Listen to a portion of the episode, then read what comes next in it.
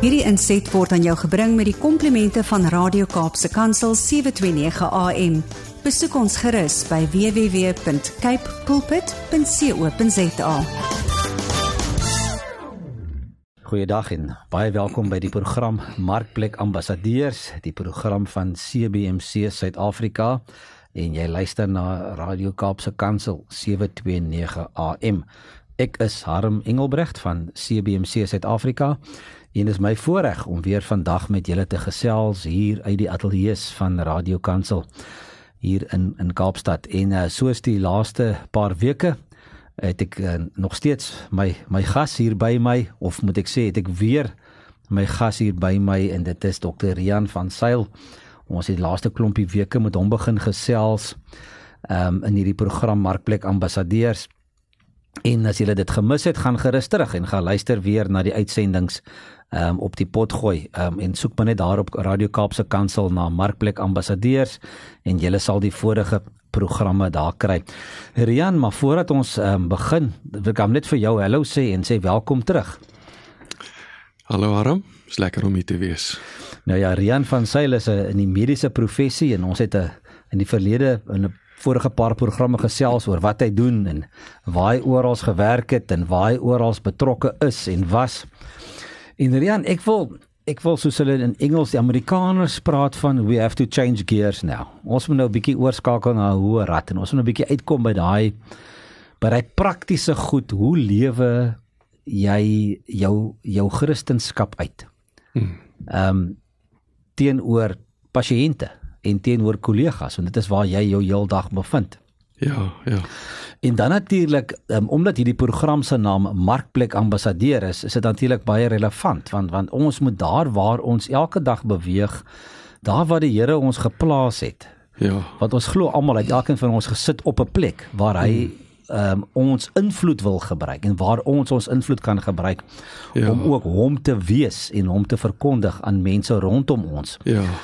So Rian, jy's nou jy's nou uh, bedags besig en die meeste mense met wie jy werk slaap. So ek weet nou nie hoe jy dit reg kry nie. Ja. Maar vertel gou vir ons, ehm um, daar in 2 Korintiërs 5, wat ek miskien net eers gou dit lees weer vir die luisteraars. Dit is maar die ja. fokus waaroor dit gaan. Vers 17 sê iemand wat aan Christus behoort is 'n nuwe mens, die ou is verby, die nuwe het gekom. Vers 18 sê dit is alles die werk van God. Hy het ons deur Christus met homself versoen. En dan hierdie belangrike deel aan ons die bediening van die versoening toe vertrou. Ja. So bediening is 'n ministry. Dis 'n werk. Dis iets wat ons moet wat ons moet gaan uitleef na buite. Daai ja. daai versoeningsboodskap of daai versoenings ehm um, bediening. En dan vers 19 sê die boodskap van versoening. Ja. Uh, dis nou wie daai woorde nê, bestaan daarin dat God deur Christus die wêreld met homself versoen het en die mense hulle oortredinge nie toerekening nie. Die boodskap van verzoening het hy ook aan ons toe vertrou. Ja. En dan sê vers ja. 20 ons tree op as gesande in die nuwe lewende vertaling en meeste Engelse vertaling sê ons tree op as ambassadeurs van ja. Christus. Ja. En ons doen ehm um, en dit is God wat deur ons 'n beroep op julle doen. Ons smeek julle namens Christus aanvaar die verzoening wat God met God wat hy bewerk het. Nou Rian daar in jou in jou bedryf in jou werk. Ja. Kom jy dan seker so nou en dan met iemand in aanraking wat jy sien, sjoe. Hierdie persoon is regtig siek. Ja. Hierdie persoon het regtig Ja. Daar's nie vreeslik menslik baie hoop vir hierdie persoon nie. Ja. En hy het die boodskap van die evangelie dringend nodig. Ja. Hy moet daai verzoening aanvaar. Ja. Hoe hanteer 'n mens so iets as jy daar sit en jy weet ek kan medies kan ek doen wat ek kan doen. Maar op die einde is die man se lewe of die persoon se lewe in God se hand. Ja. Maar aan die ander kant weet ek ook hy het Christus baie nodig. Ja. Ja. Harm, eh, dankie vir die inleiding. Dit laat my baie diep dink. Dis 'n mond vol. Uh, maar die uitdagings is groot daar buite. As jy laat ek sê met narkose Jy vra wat kan 'n mens doen? Die eerste ding wat by my opkom en dit het redelik onlangs gebeur. Meeste pasiënte is nou wakker as hulle in die teater kom en die meeste pasiënte is wakker aan die einde. Ehm um, so daar is geleentheid om te praat. En ek dink ek het in 'n vorige gesprek met jou gesê partykeer moet jy net daar wees. Partykeer moet jy net luister. Maar daar is ook tye wat jy praat. En dit het my getref een oggend. Ons werk baie nou saam met die assistent van die narkotiseer en dis 'n verpleegpersoon. En die persoon sê een oggend en dit het my getref. Ons is besig om 'n pasiënt in te bring en die pasiënte is angstig. En soos jy sê partykeer is die operasie ehm um, dis 'n uitdaging. Ehm um, partykeer weet ons as dokters nie wat die uitkoms gaan wees nie. En dis wanneer die operasie en die narkose 'n geloofsaak raak. Maar dit moet nie net op daai operasies wees nie, dit moet op alle operasies moet dit 'n geloofsaak raak. So ja, gebed kom by my op. Maar wat daai oggend gebeur het en dit was eintlik 'n gebed wat hierdie baie ervare persoon eintlik gebid het vir die pasiënt. Sy het iets raak gesien. Sy het gesien die pasiënt het 'n behoefte. Die pasiënt vra iets en dis nie altyd woorde nie. En sy lees die pasiënt en sy sê iets wat my net soos 'n koue bekertjie water voor die kop getref het. En tot vandag toe dit raak net al hoe helderder. En sy het vir die pasiënt gesê: "My hande is koud, maar my hart is warm." Ja. Ons hande is koud op die oomblik en die pasiënte kom daar in en die teater is maar 'n koue plek. Ehm um, deels om infeksie te bekamp. Maar sy sê, sy kyk in die persoon se oë en sê: "My hande is koud. Ons moet mense aanraak. Maar ek het 'n warm hart vir jou." Ons harte. Ek dink sy het gesê ons harte. En sy het sommer namens ons almal gepraat. En ek kon onmiddellik net voel, "Jo, Ek kan net in verbasing staan. Maar ek wil terugkom ook wat jy in jou inleiding gesê het van versoening. Die bediening van versoening. En daarom dit het my nou laat dink aan die ambassadeur. Die ambassadeur op die markplein. Versoening. En toe dink ek wat is die vrug van versoening? En daar kom net een woord by my op en dis vrede. Die vrug van versoening is vrede. Want as jy moet versoen, impliseer dit daar is onvrede. Daar is kom ons sê verdeeldheid.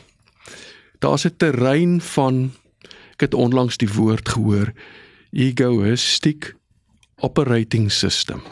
Ek wil dit in Afrikaans vertaal na egoïstiese wentelbaan. En dit het my laat dink. Ons bevind ons so maklik. Dis amper ons natuurlike neiging. 'n Egoïstiese wentelbaan. En hulle die persoon skryf verder Wanneer jy in 'n egoïstiese wentelbaan vasgevang is. Hoe jy die wêreld sien.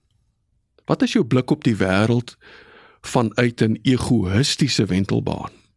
En die Engelse woorde is you see the world as polarized opposites. Hmm. Dis hoe jy die wêreld sien. As polarized opposites. So as ek dit nou in Afrikaans kan vertaal, gepolariseerde hoe sal ons nou opposite vertaal teenoorgesteldes teenoorgesteldes hmm. ek wou nou teenstrydigheid gesê het maar teenoorgesteldes ek stem met jou saam gepolariseerde teenoorgesteldes so jy kyk vanuit jou eie ego daaraan. En as jy vir my vra en ons het dit al aangeraak is jy moet van jou ego ontslaa raak. Jy moet So en dan die deel van versoening is versoening bring saam. Ons het so dikwels die gesprek van jy het 'n ronde tafel nodig vir gesoening. So jy haal hiërargie uit. Mm. Mm. Is 'n ronde tafel. Maar wat is die vrug daarvan? Die vrug is vrede. En ek het ook die laaste tyd baie meer wat wat bring jy vir mense as hulle gaan vir daai vir daai groot operasie? Mm -hmm. Wat bring jy vir hulle? Ek dink vrede. Vrede in die situasie. Dis wat vir hulle, dis wat hulle soek. En ek dink ek het laas in 'n vorige gesprek ook gesê teater kan 'n plek wees van van onrustigheid. Dinge moet vinnig gebeur. Dinge moet reg gebeur. Ehm um, maar die pasiënt voel dit aan. Daar's baie keer verskille in opinie. Daar's baie keer uitdagings. Ehm um, want die dokter het ook 'n onbekende wat hy moet trotseer dikwels. Veral by daai groot operasies moet die chirurg amper in geloof die onbekende betree. So ja, uh, dankie. Uh so vrede en dit laat my ook dink aan Jesus se eerste woorde en ek het dit genoem in 'n vorige gesprek in die bokkamer toe hy vir die vir die amper sê ek nou verpleegsters toe hy vir die disippels sê ek bring vir julle vrede. Ek bring vir julle vrede. En dit is vir my Die markplek waar ek werk is vir my net 'n klein deeltjie van Suid-Afrika as 'n markplek. Maar ek kan op daai klein deeltjie kan ek 'n ambassadeur wees vir die koninkryk. En dit dra by tot wat in ons land wat ons land nodig het in hierdie tyd, versoening en vrede. Ek dink Rian, dit is baie belangrik wat jy sê. Ehm um, elkeen van ons is mos nou in 'n invloedsfeer geplaas. So jy kom met mense in aanraking met wie ons ander mense nie in aanraking in aanraking gaan kom nie en so ja. kom ek in aanraking met mense met wie jy nie in aanraking kom nie. En so elkeen van ons luisteraars, elkeen van die persone wat vandag hier luister wat dalk in 'n besigheid staan. Ja. Ek kom in aanraking met persone ehm um, met wie ons nie in aanraking kom nie. Met ander woorde, jy het jou unieke ehm um, noem dit nou maar eh, eh, eh, kringetjie of jou ja. unieke invloedsfeer waar God jou geplaas het. Ja. En en en ek wonder baie keer Jan, as ons nie ons verantwoordelikheid in daai terrein waar ons geplaas is nakom nie. Wie moet dit dan nou doen? Ek het ek het 'n stukkie gelees nou die dag toe staan daarso. As dit nie ons is nie, wie dan? Ja. As dit nie nou, as dit dan nie nou is nie, wanneer gaan dit wees? Ja. En en dit is so of ons maar dink maar iemand anders gaan dit nou maar doen. Ja. Dit gaan maar die volgende persoon wees. Maar wie ja. sê vir jou daai persoon wat op hy tafel kom lê voor jou, voor op daai operasietafel of in daai bed, gaan ooit weer 'n kans kry? Ja. So voel dit baie partykeer sweef of 'n bietjie druk op jou as as as mediese praktisyn is wat die Here wil verheerlik deur jou werk en wat sy ambassadeur is of wat so 'n bietjie ekstra druk op jou sit nie. Arm? Ja. Antwoord is ja. Maar jy kan ook vrede vind daarin. Die in daai situasie kan jy vrede vind. Daar word dikwels gepraat van elke storm in die middel van die storm is daar 'n stilpunt. Mm. Ehm um, daar is films gemaak in Amerika uh, uh, waar daar ouens is wat ehm um, orkane jag met 'n voertuig met mm. allerlei mm. instrumente op en en kyk, jy weet, wat is die aard van 'n storm? En een van die goed, soos ek dit verstaan, wat hulle gevind het in die middel van 'n storm, is daar baie keer is daar 'n stilpunt. En dis Jesus. Dis wanneer jy vir Jesus innooi in jou storms in. En dit is wat ek ook die laaste tyd geleer het is nooi vir Jesus in die teater in.